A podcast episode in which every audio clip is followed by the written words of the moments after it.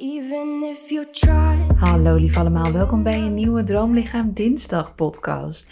Ik moet even wat bekennen. Ik had eigenlijk al een andere podcast opgenomen en al klaarstaan. En ik was hem aan het editen en ik dacht echt, nee, nee, dit is hem niet. Ja, dit is niet de waarde waarvan ik zou zeggen, yes, laten we hem publiceren.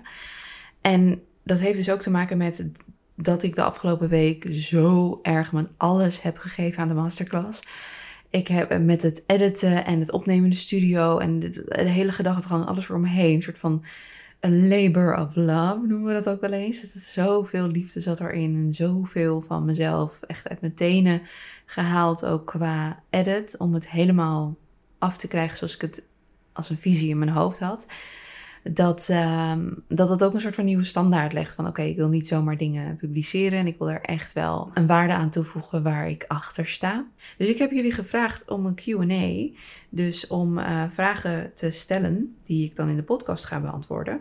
En ik heb een aantal hele interessante ontvangen die ik met jullie ga beantwoorden. Het zal een beetje hak op de tak zijn, omdat het natuurlijk allemaal verschillende vragen zijn. Maar ik denk dat dat de podcast ook wel een beetje spicy houdt, een beetje interessant. En ik ga het niet te langdradig doen, dus Tenny, naar jezelf toe een notitie. Niet te lang praten bij elk onderwerp. Er is natuurlijk niemand die mij tegenhoudt of een, terug, een tegenvraag stelt of in de reden valt of wat dan ook. Dus je kan natuurlijk maar doorpraten en doorpraten. Allereerst beginnen, hoe bevat de loopband of is die alleen voor de boot? Ik heb een walking pad gekocht waar je ook op kan rennen, maar ze noemen het zo omdat het een soort van opvouwbare loopband is. En um, dat is een heel verhaal hoe dat allemaal tot stand is gekomen. Ik had er eerst eentje gekocht waar, waar je eigenlijk niet harder dan 6 km per uur kon. En toen dacht ik, ja, dit is een super handig ding. Dit moet ik hebben voor de boot. Maar dan wil ik op de boot er eentje hebben waar je ook op kunt rennen. En niet alleen maar tot maximaal 6 km per uur kan. Maar goed, dat betekende dus dat ik een nieuwe voor op de boot moest hebben. En dan en voelde een beetje dubbel dat ik dan eentje thuis had liggen in Amsterdam en eentje voor op de boot. En uh, de reden dat ik niet die rennende voor thuis had, is omdat ik in Amsterdam woon drie hoog. Als ik al iets te hard stamp, dan, dan trillen de kasten. Dus dat, dat kan echt niet. Je kan echt niet gaan hardlopen. Uh, alles trilt. De onderburen worden helemaal gek, denk ik. Dus dat was sowieso afgeschreven. Dat ik niet een renlooppand zou hebben voor thuis. Maar toen voelde het wel dubbel. Dus ik heb die looppand van thuis teruggestuurd. En ik heb een nieuwe gekocht voor alleen op de boot. En ik vond het ergens een beetje overbodig om hem dan thuis te hebben voor het wandelen. Omdat ik me toch realiseerde, ja, ik woon in het midden in Amsterdam, dus ik kan gewoon lekker de deur uit en ik ben binnen vijf minuten in het Vondelpark. En nee, het voelt als te veel moeite, daar waar ik dacht moeite te besparen, om nu die loopband in huis te hebben en dan in de woonkamer te lopen, terwijl ik eigenlijk denk ik liever buiten loop. Als het een renfunctie zou hebben, zou het natuurlijk anders zijn. Als ik niet in Amsterdam 3 hoog zou wonen, zou het anders zijn. Dus ik heb de renloopband en die zit nu in de opslag, wachtend totdat de boot klaar is. En de boot is over een paar maanden klaar. En dan gaat hij gewoon standaard daarheen. Dus hij is standaard voor op de boot. Ik heb niet de ervaring om je nu te kunnen vertellen hoe die bevalt over, ja, over een periode van tijd. Ik heb hem natuurlijk wel getest toen hij binnenkwam. En ik vond hem toen al fantastisch. Gewoon het idee dat zoiets is gemaakt en zo. Fantastisch. Dus op de boot gaat hij heel goed van pas komen. Even kijken of ik een andere vraag over de boot had die ik erbij ga beantwoorden. Wat is het eerste dat jullie gaan doen, dat je gaat doen als jullie boot af is? Nou, dat weet ik eigenlijk niet zo heel goed, want hij moet ingericht worden, de vloer moet erin, um, de website moet klaar voor het verhuren van, voor events en uh, we moeten allebei vaarbewijs halen. Dus er is heel veel wat er gedaan moet worden en ik weet niet wat dan het eerste is, wat ik dan ga doen als de boot af is. Als ik bedenk dat alles, dat hij helemaal af, af, af is, dan denk ik dat ik ervan ga genieten. Dat we ergens op een meer even een paar dagen gaan nemen en daar gaan liggen en kijken hoe dat gaat bevallen met zonsopkomst, ondergang. Gewoon, ja, laten we zeggen 72 uur midden op een meer liggen en dan uh, en het, ja, het leven ervaren op het water. Ik ben heel benieuwd, dus, dus dat denk ik. Wat is momenteel je doel op het gebied van fitness en droomlichaam?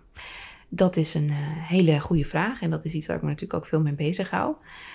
Um, dat is mijn, mijn droomlichaam behalen met de nieuwe laag waarvan ik echt heb gemerkt hoe krachtig het is. En dat is uh, het meditatieve, mediteren en het praten richting mijn vetcellen. Met een realisatie dat ik denk dat, uh, dat mijn vetcellen mij proberen te beschermen. Hier ga ik in de masterclass heel erg diep op in. En dan krijg je ook een gratis meditatie bij. Maar ik, uh, ik, ik, dit, dit is echt magisch wat er, wat er gaande is in mijn lijf, in mijn leven. Ik heb alleen maar die doorspoelknop nodig van een paar maanden. En dan, dan, gaat, dan gaat iedereen het zien. Dan gaat iedereen zien dat er een bizar groot verschil is. Dat is iets wat ik nu voel van binnen, maar het duurt natuurlijk eventjes totdat het aan de externe kant ook duidelijk is.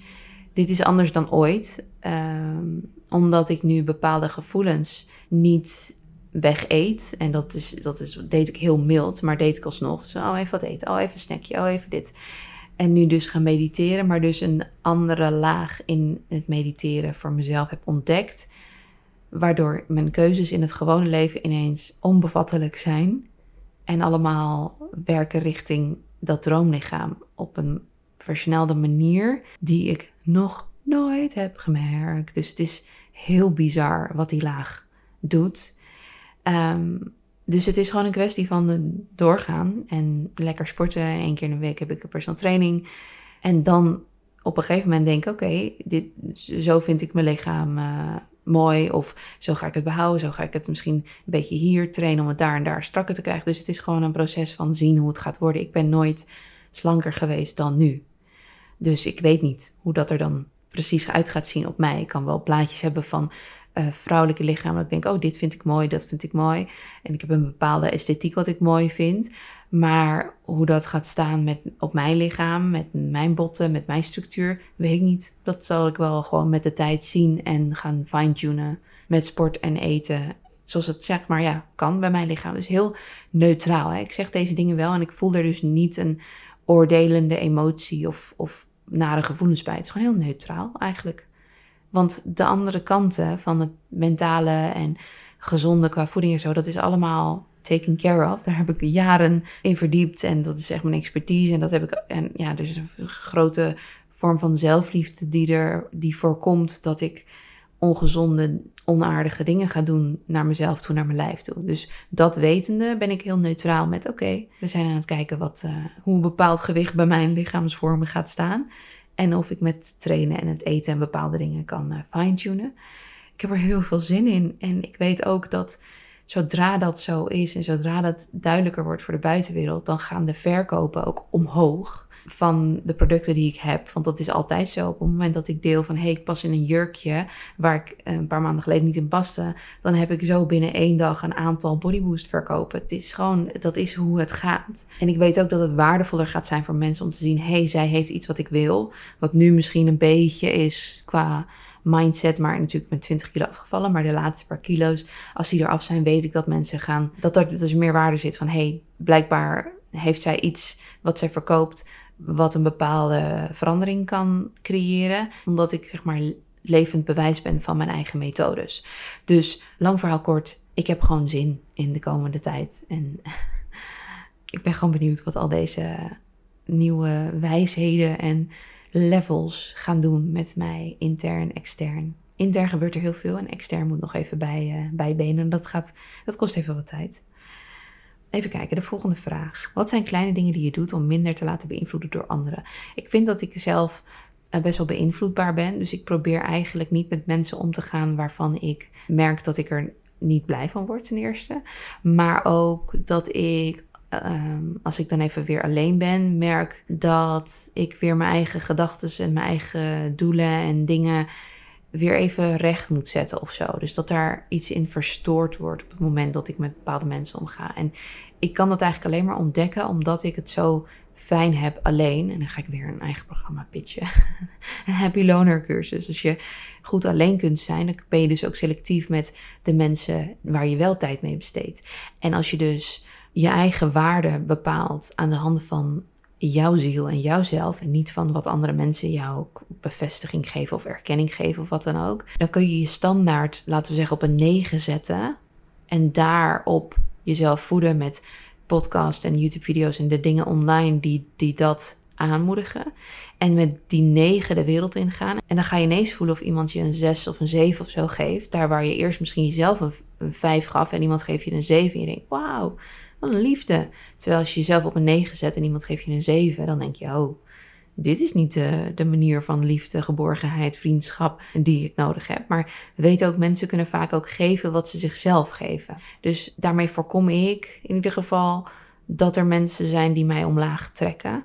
Omdat ik gewoon mezelf best wel hoog heb zitten qua liefde voor mezelf. En weet dat ik waard ben. En weet dat ik waardig ben. En ja, dat ik het goed genoeg doe in de wereld. Ik heb niet het gevoel dat ik niet goed genoeg ben als mens. Of het niet goed genoeg doe. Het is altijd een proces. Ik wil beter worden. Maar dat is, komt niet uit een variant van ik ben niet goed genoeg. Ik ben waardig, ik ben wel goed genoeg. Maar beter worden maakt mijn leven zoveel leuker en gaver en beter. Dus ik vind het heel leuk om te ontwikkelen. En vanuit die positie ja, kan ik dus veel beter inschatten of uh, dat anderen me minder beïnvloeden. En het zijn niet per se dus kleine dingen. Het zijn dus gewoon, het is een standaard die ik heb gecreëerd met het alleen zijn, die ik dan daarna heb uitgedragen toen ik de wereld wel inging, met andere mensen omging. Even kijken, ehm, verval je wel eens in oude gewoontes die je niet dienen? Natuurlijk, dat heb ik wel eens. Maar ik herken ze ook. En ik realiseer ook vaak dat het informatie is. Of realiseer, ik weet dat het informatie is. En dan ga ik achterna, hey, wat is nu de reden dat ik verval in deze gewoonte? Het zal niet zo zijn dat ik vier maanden lang in een gewoonte verval en dan na vier maanden denk: hé, hey, wat gebeurt hier nou weer? Ik ben veel te bewust daarvoor en daar heb ik wel mijn methodes voor. En dat is journaling, dus schrijven, mediteren, sporten. Ik ben wel constant in check met mezelf. Ik heb ook niet een baan waarin ik helemaal kan outtunen en het volledig als afleiding kan gebruiken. Ik kijk ook niet de hele tijd dingen op, uh, op Netflix of op de tv die mij verder wegbrengen van, van wie ik intern ben. Dus ik ben constant in check met mezelf door de dingen die ik mezelf dus toedien. De boeken die ik lees, de boeken die ik luister, podcasts die ik luister, uh, video's die ik kijk op YouTube of op Netflix of wat dan ook. Ik probeer wel echt de connectie met mezelf te behouden. Dus ik zal niet zomaar randomly vervallen, tenzij er iets gaande is. En dat, hoe noem je dat? I address it. Ik zit helemaal in het Engels te denken. Dan ben ik dan benoem ik het bij mezelf en dan ga ik achterna wat, waar dat door komt. En dat is, heeft dan vaak een bepaalde, misschien een emotionele reden of iets is gebeurd. En dan ga ik dat verwerken. Of proberen te verwerken. Verwerken is natuurlijk niet zomaar 1, 2, 3 gedaan, maar ik ga daar dan aandacht aan besteden. Dus dat is een beetje hoe ik daarmee omga. Hoe ziet jouw leven er over vijf jaar hopelijk uit? Um, nou, ik vind het eigenlijk wel lekker hoe het nu loopt. Ik hoop dat ik meerdere online businesses heb opgezet. Dus die niet alleen maar te maken hebben met mijzelf, met mijn Instagram en mijn programma's. Maar dat zijn dingen waar ik een, achter de schermen mee bezig ben. Dus verschillende online business opzetten. Die ook passieve inkomsten kunnen creëren. Waardoor de druk er niet zo zit om de inkomsten met mijn design, met mijn online presence zeg maar, te moeten creëren. Ik vind het dus wel belangrijk om die druk eraf te halen van dat alles van mijn online presence af moet komen. Dat ik gewoon echt mijn hart kan volgen. En kan doen en maken en creëren wat ik wil qua content. En dat is echt mijn missie en passie. En dat, dat er niet per se mijn hele inkomstenbron daarvan af hoeft te hangen. Wat een prima inkomstenbron is op dit moment. Maar ik wil niet dat het ervan af hangt. Uh, omdat ik weet dat ik af en toe de druk ga voelen qua cijfers en zo. En dat het dan met mij te maken heeft. Dus ik weet dat ik dat niet heel prettig vind. Nou, dan komt een vliegtuig. Er is zoveel herrie hier altijd. ik weet dat ik dat niet altijd heel prettig vind. Dus het is belangrijk dat ik een aantal andere inkomstenbronnen heb gecreëerd. Ik hoop dat de boot uh, lekker verhuurd wordt. En dat we daarvan genieten. En dat we steeds soort van lekker vanuit natuur naar stad kunnen wisselen. Um, vijf jaar Misschien dat ik ga nadenken over kinderen. Ik weet het niet. Ik voel het nog niet. Maar ik zie mezelf niet deze aarde verlaten zonder een kind of meerdere, als dat me gegund is natuurlijk. Dus dat zit wel in mijn hoofd. Het is niet dat ik heb besloten dat ik het niet wil, maar nu nog niet. Nu voel ik me niet klaar daarvoor. En ik weet, er is een biologische klok. En ondertussen heb ik wel natuurlijk wat check-ups en zo om te weten wat de stand is. Dat is ook wel belangrijk. Dus ik ben niet compleet een struisvogel, hoofd in de grond aan het steken. Uh, even kijken, hoe gaat het met Moes? Is het weer beter? Ja, Moes was even een beetje ziek. Maar uh, gelukkig gaat het weer beter. Dus dat is lief dat iemand dat vraagt. Dan heb ik nog één vraag die ik ga beantwoorden over het niet schuldig voelen als je even wat drukker bent richting je hond. Hè, als die even wat minder aandacht krijgt. Nou, ik voel me wel schuldig, maar dat wil niet zeggen dat ik dan dat mijn leven daardoor verpest wordt. Ik, ik denk dat het schuldig gewoon voelen een normale emotie is. En ik probeer dat dan goed te maken met uh, een lange wandeling of een extra snoepje hier en daar. Weet je wel, ik noem het dan voor de grap soms afkopen. Dat ik zeg, oh, ik heb een knuffel gekocht om schuldgevoel af te kopen. Maar het is normaal om je schuldig te voelen. En dat is oké. Zo kijk ik er ook naar. En als je maar niet constant leeft met schuldgevoel. Want dat kan ook zijn dat je misschien allemaal dingen van jezelf eist die niet per se nodig zijn. En dat je daardoor schuldgevoel creëert. Dus ik denk dat ik een gezonde balans heb in dat ik af en toe me schuldig voel. Maar dat betekent dus ook dat ik af en toe dingen doe die belangrijk zijn voor mij. Dat de prioriteiten misschien een beetje veranderen. En dat je dan schuldig voelt richting het een. Ehm, en daar dus een beetje moet uh, in fine-tunen af en toe. Maar ik zie het niet als een hele grote alarmbel of zo die afgaat. Oké, ik vind dit een kort maar krachtige QA. Ik denk dat ik het hierbij hou. En uh, ik hoop dat er misschien weer nieuwe vragen of interesses uit voort zijn gekomen. De dingen die ik heb gedeeld. Vraag ze gerust op Instagram. Ik bundel altijd heel veel van de vragen en daar komt dan weer nieuwe content uit. Dus um, bedankt voor het luisteren. Bedankt ook voor de 100 plus mensen, als het goed zijn het er 106, als ik me niet vergis, die de masterclass hebben gekocht. Ik ben heel benieuwd wat jullie vinden. Ik heb hier en daar al wat hele, hele bijzondere reacties ontvangen. En dat echt, dat verwarmt mijn hart. Laat me weten, DM me of tag me op Instagram als je een story post terwijl je de masterclass bekijkt of de meditatie doet of iets ik ben heel benieuwd. En uh, bedankt voor jullie vertrouwen in mij en het uh, aanschaffen van iets wat ik met zoveel liefde maak. Dank jullie wel. Bedankt voor het luisteren ook. En tot volgende week bij een nieuwe Droomlichaam Dinsdag. Doeg!